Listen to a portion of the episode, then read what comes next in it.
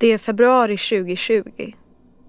I ett förhörsrum hos polisen sitter en man, en tidigare major inom det svenska försvaret. Han har i över tio år suttit på olika chefspositioner där han har hanterat säkerhetsklassad information. Han har arbetat på Natos högkvarter i Belgien, har jobbat för den militära underrättelse och säkerhetstjänsten och har tjänstgjort i både Kosovo och Afghanistan. Flera av de här positionerna kräver officersutbildning, något som mannen inte har. Han har ljugit om sin utbildning i 20 år. Det är ju allvarliga uppgifter. A blessing in disguise. Jag höll på att trilla av stolen för det lät så osannolikt. Hej och välkommen till Skandal! Podden där vi snackar om de märkligaste, roligaste och värsta skandalerna. I det här militäriska avsnittet berättar vi om en person som inte lät sin brist på officersutbildning stoppa honom från att knipa drömjobbet som, ja, officer. Snart har grävargänget på DN avslöjat fifflandet och den här otroligt fåniga skandalen blir ett faktum. Jag heter Sebastian Maneri och är er programledare och med mig i studion har jag som vanligt våran eminenta skandalexpert Karin Sofia Johansson. Hur mår Karin Sofia? Jag mår bra. Jag tycker den här, den här är lite mysig den här skandalen för den är ju liksom det var ingen som riktigt blev skadad. Förutom kanske då försvarets anseende. Ja. Men annars det är liksom, den är ganska snäll på många sätt. Då känner vi oss trygga nu när vi ger oss in i avsnittet. Ja, Vad säger du Karin Sofia? Ska vi köra igång? absolut.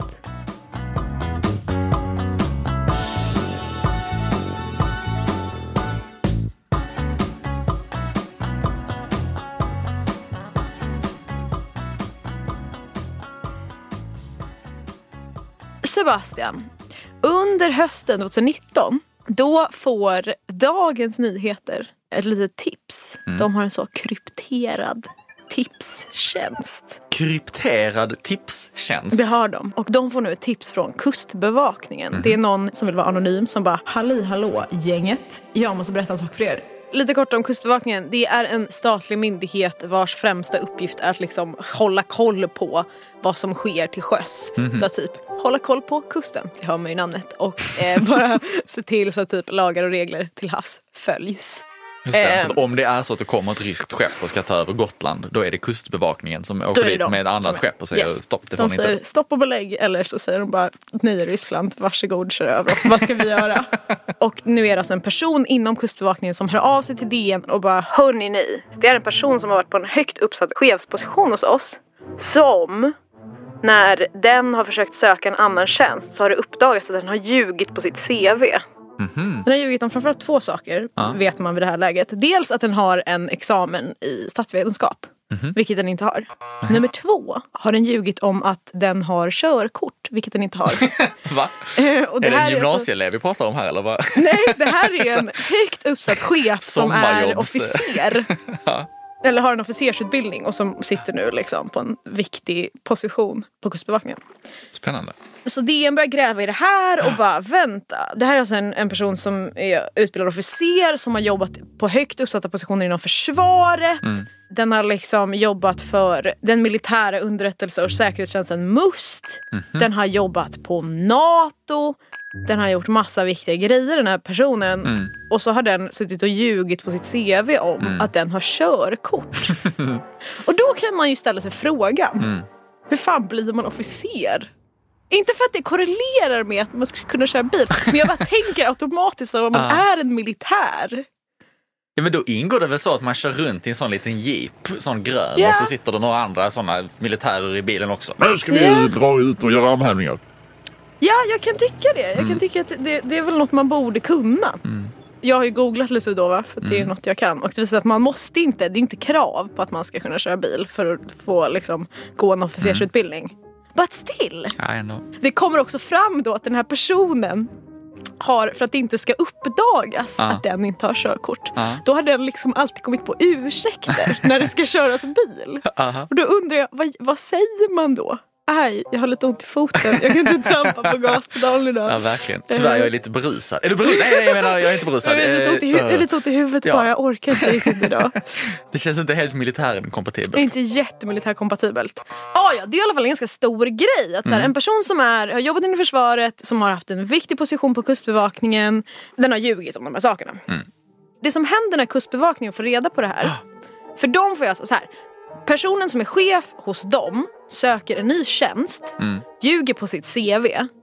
På den här nya myndigheten där han söker en ny tjänst, de upptäcker att han har ljugit, säger till Kustbevakningen. Jo, han har ljugit. Och de larmar nu till försvaret.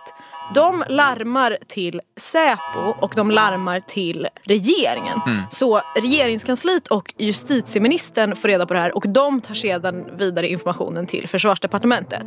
Så att så här, alla som borde få reda på det får reda på det. Men trots allt det här så anställs alltså personen igen. Den här officeren då, han blir handplockad för att vara stabschef för den svenska insatsen i Mali. Har vi en insats i Mali? Vi har tydligen en insats i Mali, eller vi hade i alla fall det under 2019. Ja. Så att så här, och det är en ganska stor grej, för det är ett ganska farligt uppdrag, ett ganska viktigt uppdrag inom försvaret. Så att så här, den här personen som har ljugit om att kunna köra bil och ljugit om vad den har för utbildning, Ja. ska nu till Mali. Så DN får nys om den här historien, de publicerar om det. Eh, Så att allt det här händer. Den här personen jobbar alltså på Kustbevakningen under 2018. Under 2018 söker den en ny tjänst, det är då allt det här kommer fram.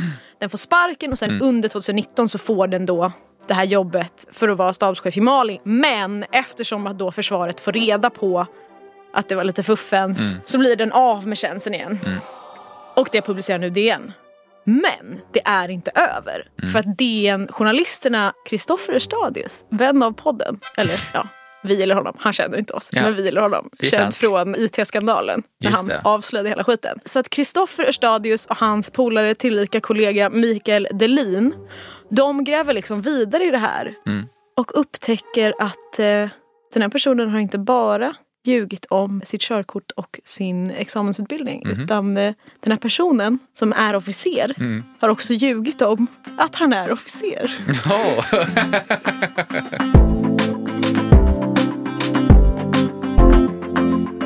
Eh, så DN publicerade då en artikel där de bara hallå, hallå försvaret. Ehm, ni har alltså en person som har varit major.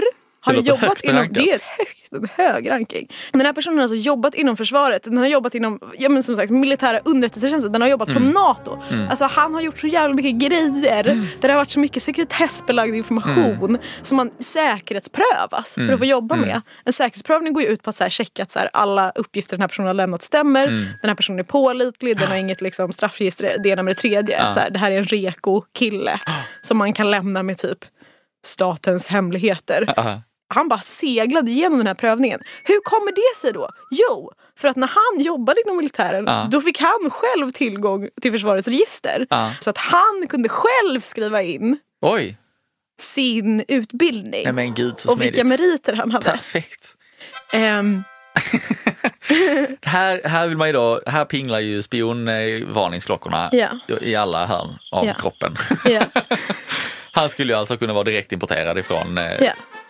Mother Russia. Alltså han hade ju kunnat komma från var som helst. Det roliga är att så här, om han hade varit, nu är han ju inte rysk spion, om han hade varit rysk spion då hade det ju aldrig gått till på det här sättet. För att det är så jävla klant. Alltså, all, det är så easy. Det är ju det som blir den stora skandalen nu. För när det här uppdagas, Ja. alla bara, Vad i hela helvete? det här sjuka är att han har inte ens haft ett intyg på att han är utbildad officer. Ja. Det förfalskar inte han förrän han söker tjänst på Kustbevakningen 2016. Mhm. Innan dess har han bara sagt att han är utbildad officer. Det är ingen som har kollat. Så det är först när han så söker tjänst på Kustbevakningen som han då behöver lämna in det här intyget på att han har en utbildning. Det sjuka är att när han då senare förhör får frågor om hur, du, hur har du satt ihop det här, det här intyget på att du Ja. är utbildad officer. Han bara, Ja, jag hade något gammalt diplom från någon idrottsgrej. Och sen den här tjusiga lilla blågula ramen, den Ja. la jag ju in själv. Men det är nog från något dataprogram. men vad fan. så så här, "Ja, försvarets vapen då, var kom det ifrån? Ja, jag vet, man ser att det är lite grinigt. Jag tror att jag har tagit det från nätet. Nej, men. Så att han har alltså bara klistrat ihop ett gammalt, ett gammalt idrottsdiplom. Det roliga är också att så här, i sina tjänster har han fått väldigt goda vitsord och varit ganska kompetent. Och i då en liksom referens han får från militära underrättelse och säkerhetstjänsten så står det så här, ja han är ju så initiativrik. Man Ja, det kan man lugnt säga. initiativrik, kreativ, jätteduktig på att klippa och klistra. Bra med datorer. Bra med datorer. Men det här känns ju som det ultimata beviset på den här gula västar-teorin. Alltså att om du går in, tar på dig en sån här gul reflexväst Ja. som byggarbetare har och gärna en sån där hjälm. Ja. Då kan du promenixa in var, Precis som, var som helst, helst. och ingen kommer ifrågasätta dig. Ja men det är sjukt, det han har gjort. Han har ju verkligen så, för han, är, han har ju gått en militär grundutbildning. Han har det Så han, har, han är ju militär i grunden. Ja. Men det som sker när han 1999 ska, eh, för han söker en officersutbildning. Ja. Men han får kicken från den. Aha. För att han redan då, trumvirvel, har ljugit om sina resultat från komvux. Aha. Så att han har liksom inte, han har inte blivit godkänd i sina komvuxkurser som han måste vara godkänd på för att få bli officer. Ja. Och då kickar ju liksom den här officersskolan, den här högskolan ut honom med huvudet före. För att så här, det är inte material att ha i militären. Man kan inte ha någon som är opolitlig och ljuger om sina meriter. Ja, det verkar dumt. Det är klass 1A i vad man inte kan göra om man ska jobba med liksom Hemlig information. hemlig information och försvaret. Så man måste vara pålitlig och man Ja. måste ha en typ ryggrad och en moralisk kompass. Ehm, så att han hittade på det här intyget. Det Ja. också att så här, han skriver så här underskrivet av Per Karlsson, överste. Och Ja. när man frågar då översten som jobbade på den här skolan under den här tiden. Han bara det fanns fan ingen överste som hette Per Karlsson. Det har han ju bara hittat på. Ja. Det är ju det som är så roligt också att om någon hade tagit en sekund och kollat, inte ens så här, googlat upp det här utan bara så här, kollat lite närmre och sett att så här, loggan var grinig.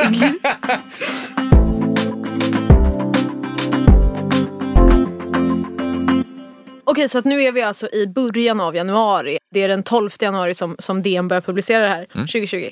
Eh, och försvaret går ganska direkt ut och bekräftar det här. Och Jaha. det här sker också, DN är ju smidiga med sin publicering för att de Aha. publicerar det här samtidigt som den årliga Folk och Försvar-konferensen är i Sälen, vilket är typ så här försvarets branschmingel i Sälen. så att huvudpersoner på den här konferensen är ju då Peter Hultqvist, försvarsminister och Mikael Bedén, Mm. överbefälhavare. Det är där de träffas och käkar snittar och liksom så här, ja men vad tycker du om att bomba skiten i andra länder? Ja men det är, ju rätt bra grej. Ja men jag tycker också det är en rätt bra grej. Ja. Så DN publicerar det här när alla liksom ögonen redan är på försvaret och Ja. försvarsministern och överbefälhavaren. Så att de tvingas ju svara på frågor om det här och de direkt går ut och säger så här, okej det här har hänt, det stämmer och det här är ju mycket, mycket allvarligt. Och direkt blir det ju jävligt mycket liv. Det är säkerhetsexperter och försvarsanalytiker som går ut och bara Jag höll på att trilla av stolen för det lät så fruktansvärt eh, osannolikt. det är så fruktansvärt märkligt att den här personen har kunnat ljuga sig igenom extremt säkerhetsklassade arbetsuppgifter. Alltså så här, Det är så fruktansvärt hemligt saker som den här personen har hållit på med. Alltså en av hans liksom, arbetsuppgifter har varit att på då militära underrättelse och säkerhetstjänsten hålla på med krypteringsnycklar. Hela grejen som han jobbade med var att typ se till att hemlig information var hemlig och inte hamnade i så obehöriga händer. Typ folk som utger sig för att vara officerer när de inte är det. Fast det ska ju sägas att han är väldigt bra på att se till att information om sanningen inte hamnar i, i händerna Sant. på folk. Sant. sant. Mest är det ju ganska skrattretande för folk. Att, hur fan har det här gått till? Och det som också är så, är så sjukt nu är att så här, alla har ju informerats redan om att den här personen har ljugit. Försvaret och Säpo informerades ju liksom under slutet av 2018 och justitieministern och regeringskansliet fick reda på det här tidiga 2019. Så, att så här, det här har man ju vetat om i över ett år. Och inget har hänt. Och då går försvaret ut och bara, mm, ja fast nej jag tror inte att vi sitter på den här informationen för att eh, om vi hade gjort det då hade ju faktiskt våra varningsklockor ringt så jag tror inte det. Och sen helt plötsligt då den här veckan när DN publicerar att Jo men försvaret har visst fått den här infon. Då går Mikael Bedén, eh, överbefälhavare ut och bara Nej men, nej men titta vad vi hittade här! Här låg ju den här Åh, rapporten! just det, den där. Hoppsan! Tokelig Vi missade lite den. Så ja. Så det blev väldigt rörigt och alla skyller på alla. Och Peter Hultqvist och Mikael Bydén blir kallade till försvarsutskottet för att typ svara på frågor om vad fan det är som har hänt. För att det är så här, det här är en enorm säkerhetsrisk. Som du sa, om det här är liksom en spion från öst, då är det katastrof. Men också så här, även om det inte är det, vilket det sen visar sig att det inte är. Det visar sig bara att han ville, han ville jobba inom militären och så tyckte han att Nej, men jag är så duktig så att jag behöver liksom utbildning, schmutbildning. Det spelar väl ingen roll. Men så här, bara det i sig är ju enormt pinsamt för att han har lyckats ta sig igenom ett system som ska vara så här, Sveriges försvarssäkerhetssystem. Har han Ah. bara ljugit sig igenom hur lätt som helst. Ah, Det är ju inte snyggt va? nej, Det är pinsamt. det tycker jag är en korrekt beskrivning. Bara att han typ har jobbat på NATO. Alltså, och nu börjar det snackas om att NATO är skitlack. De säger inte det. Ah. Men liksom det börjar tisslas och tasslas lite om att så här, NATO är så jävla sura. För att man ser ju så jävla klen ut i försvarssammanhang. När man så, jaha, det var en liten soldat som kände för att bli officer.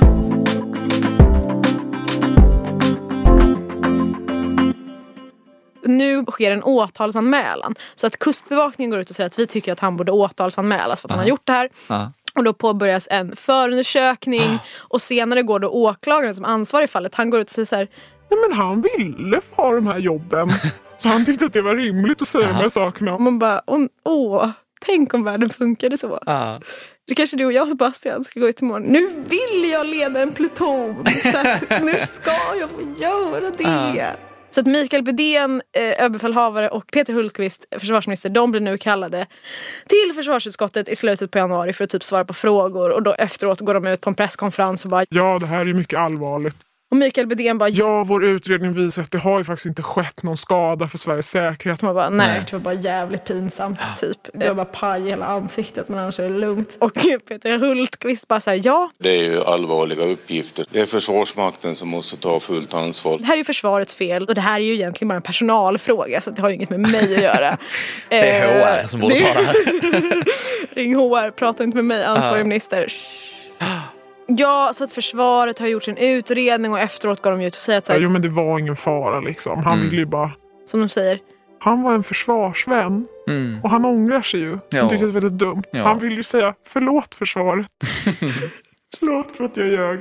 Så att så här, på så sätt har ju inte det skett jättestor skada. Det är ju bara försvarets street cred. Mm. Nu under februari så pågår också den här utredningen hos polisen. Man har en förundersökning eh, och han får sitta i polisförhör och liksom prata om det här med sitt klippande och klistrande och polisen bara, ja det här är ju ett, det här, det här är ju förfalskat, det ser ju vi. Han bara, Ah. Ja, det har jag ju.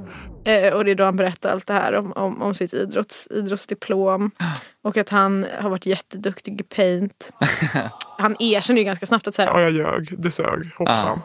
eh, Så då får han ta ett litet möte med åklagaren. Så att han får, alltså det är typ en ren formalitet för att alla vet vad han har gjort. Så att Ja. han får ett strafföreläggande. Som vi också pratat om tidigare. Vilket är typ som en dom, fast inte riktigt. Det är som en dom fast att man slipper gå igenom en rättegång. Jaha. Så att han får strafföreläggande för två fall av brukande av falsk urkund. Alltså han, har, bara, han, han har förfalskat lite material. Och får 40 dagsböter.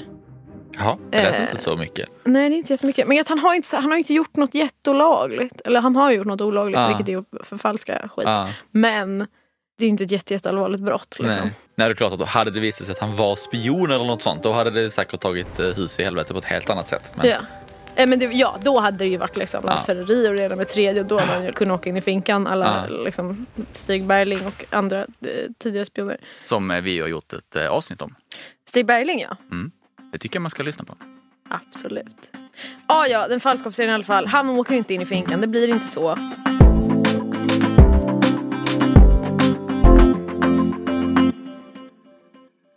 Peter Hultqvist KU-anmäls av Moderaterna för att Ja. de bara... Hur kunde du inte göra något? Och han bara... Jag visste inte. Och de bara du Visste visst. han bara, Nej, det gjorde jag inte. Eh, Så han får komma till KU i oktober 2020. KU det är det här stället där ministrar anmäls. Ja, det är det för att så här, Liksom. om någon tycker att någon minister eller någon statsråd har gjort något fel, då KU-anmäls man och så får, får de gå dit och fråga. Hur är du?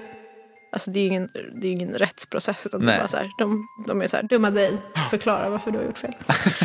det som blir den stora frågan när allt det här uppdagas är så Mm. här, hur kunde det hända och har det hänt fler gånger? Fin, kan det Ja, finnas just folk det. i försvaret om det var så här lätt att lura systemet? typ att bara Ja. säga att man var officer när man inte var det. Är det någon som har gått Är det officersutbildningen? officersutbildning? Finns den här Eh. utbildningen? Existerar den ens? Alla bara, nej men det är nog inte så troligt. Men sen under 2020 så framkommer att så här, det är ju andra som har gjort samma sak. Det är typ en Oj. britt som också har haft en chefsposition inom försvaret. Som också bara har hittat på. Och han har så här, du vet, sagt att han har varit med i typ Gulfkriget. Oj. Och lagt upp ett litet videoklipp på, sin, på sina sociala medier. Där han hävdar att han så flyger helikopter. Och så visar det sig att så här, det där var ju en dansk helikopter från en dansk militärövning. Men- sjuk jävel. Så det har ju efteråt uppdagats att det är andra människor som har gjort samma sak. Ah. Eh, så det är ju den stora skandalen. Att man bara har kunnat lura systemet på ett så skrattretande lätt sätt genom att typ inte ens försöka luras. Man har bara gått runt och sagt en liten lögn. Mm. Och så har ingen kontrollerat det. Nej. När han har varit på NATO, varit militära underrättelsetjänsten, varit major, varit i, varit i Kosovo, varit i Afghanistan, varit Ah. i ena med det tredje. Behandlat jätte, jättehemlig liksom, information. Ah. En av de största säkerhetsriskerna är ju också att så här, om någon annan, så här, det var DN som kom på det här. Ah. Det var grävande journalister som kom på det här. Men tänk om ja, men typ en främmande makt hade kommit på det här. Tänk Ah. om någon annanstans. Alltså, så här, det är ju en enorm möjlighet för utpressning. Mm. Om Ryssland hade bara Ja, tjena, tjena. Vi vet att du inte har de här meriterna. Så att för att vi inte ska avslöja dig, berätta allt du vet. Framförallt så blir jag så så här, hmm, om det var så enkelt, undrar då hur många som faktiskt är alltså spioner eller liknande som Ja. har förfalskat, kanske med lite större finess Ja, då. de lär ju vara on... alltså, onekligen lär ju de vara mycket, mycket smidigare Ja, med sitt hoppas. fifflande. För Ja. den här jävla tjommen har ju bara så... Klippity klipp, klipp och klistrat. Men som försvarsanalytiker Hans Brun Mm. säger till TV4 Nyheterna. Nu kommer jag vara lite cynisk här och säga att det här kanske är Ja, nu kommer jag ju vara lite cynisk, men det här är Prepare yourself for the internationalness. vad man kallar för på engelska a blessing in disguise. Som man säger på engelska, a blessing in disguise, Mr Oh. Worldwide. eh, för att han då hävdar att så här, jo, men det var väl bra att det här problemet uppdagades. För Ah. då kan man ju tajta till säkerheten kring det här. Oj, oj, oj, det finns inga problem, det finns bara livsläxor. Ha? Sen händer ju inte så mycket mer. Nej. Det är ju mer det att det, det så, sakteliga uppkommer lite fler personer som har gjort exakt samma sak. Ah. Efter att man har sagt att nej men det finns nog inga fler som har gjort samma sak. Eh, så det återstår ju att se. Ja. Lite snopet på ett sätt att det inte var något värre som hade hänt. Men å andra sidan, om det hade varit något värre som hade hänt, då hade kanske det fått enorma konsekvenser Ja, alltså för så här, det vårt hade ju varit säkerhet. sexigt om man hade varit en spion. Ja. Men det är också ganska skönt att han inte var det. Ja, verkligen. Ja, vilket jävla, vilken jävla fånig skandal. Vilket jävla, liksom, eh, så jävla pinsamt för hela försvaret så och framförallt pinsamt. försvarets HR-gäng. Vem det nu är Ja. som, som jobbar där. Ring HR, lös det här nu. Verkligen. Stort tack till eh, den falska officeren för sitt myglande, för det gav oss vårt avsnitt. Eh, Och stort tack eh, för 51 gången till DN som bara till höger och vänster verkar avslöja fiffel och fuffens. Liksom. Mikael Delin och Kristoffer Rörstadius, de blev ju faktiskt nominerade till eh, Stora Journalistpriset för det här avslöjandet. Så att, snyggt jobbat grabbar. Välförtjänt. Stort tack till dig Karin Svea för som vanligt eminent research. Det var så lite. Stort tack till Daniel Murberg för klippning och stort tack till Evelina Fernrud för ljudläggning. Jag heter Sebastian Maneri och Skandal görs av podcastbolaget Cast exklusivt för Podme.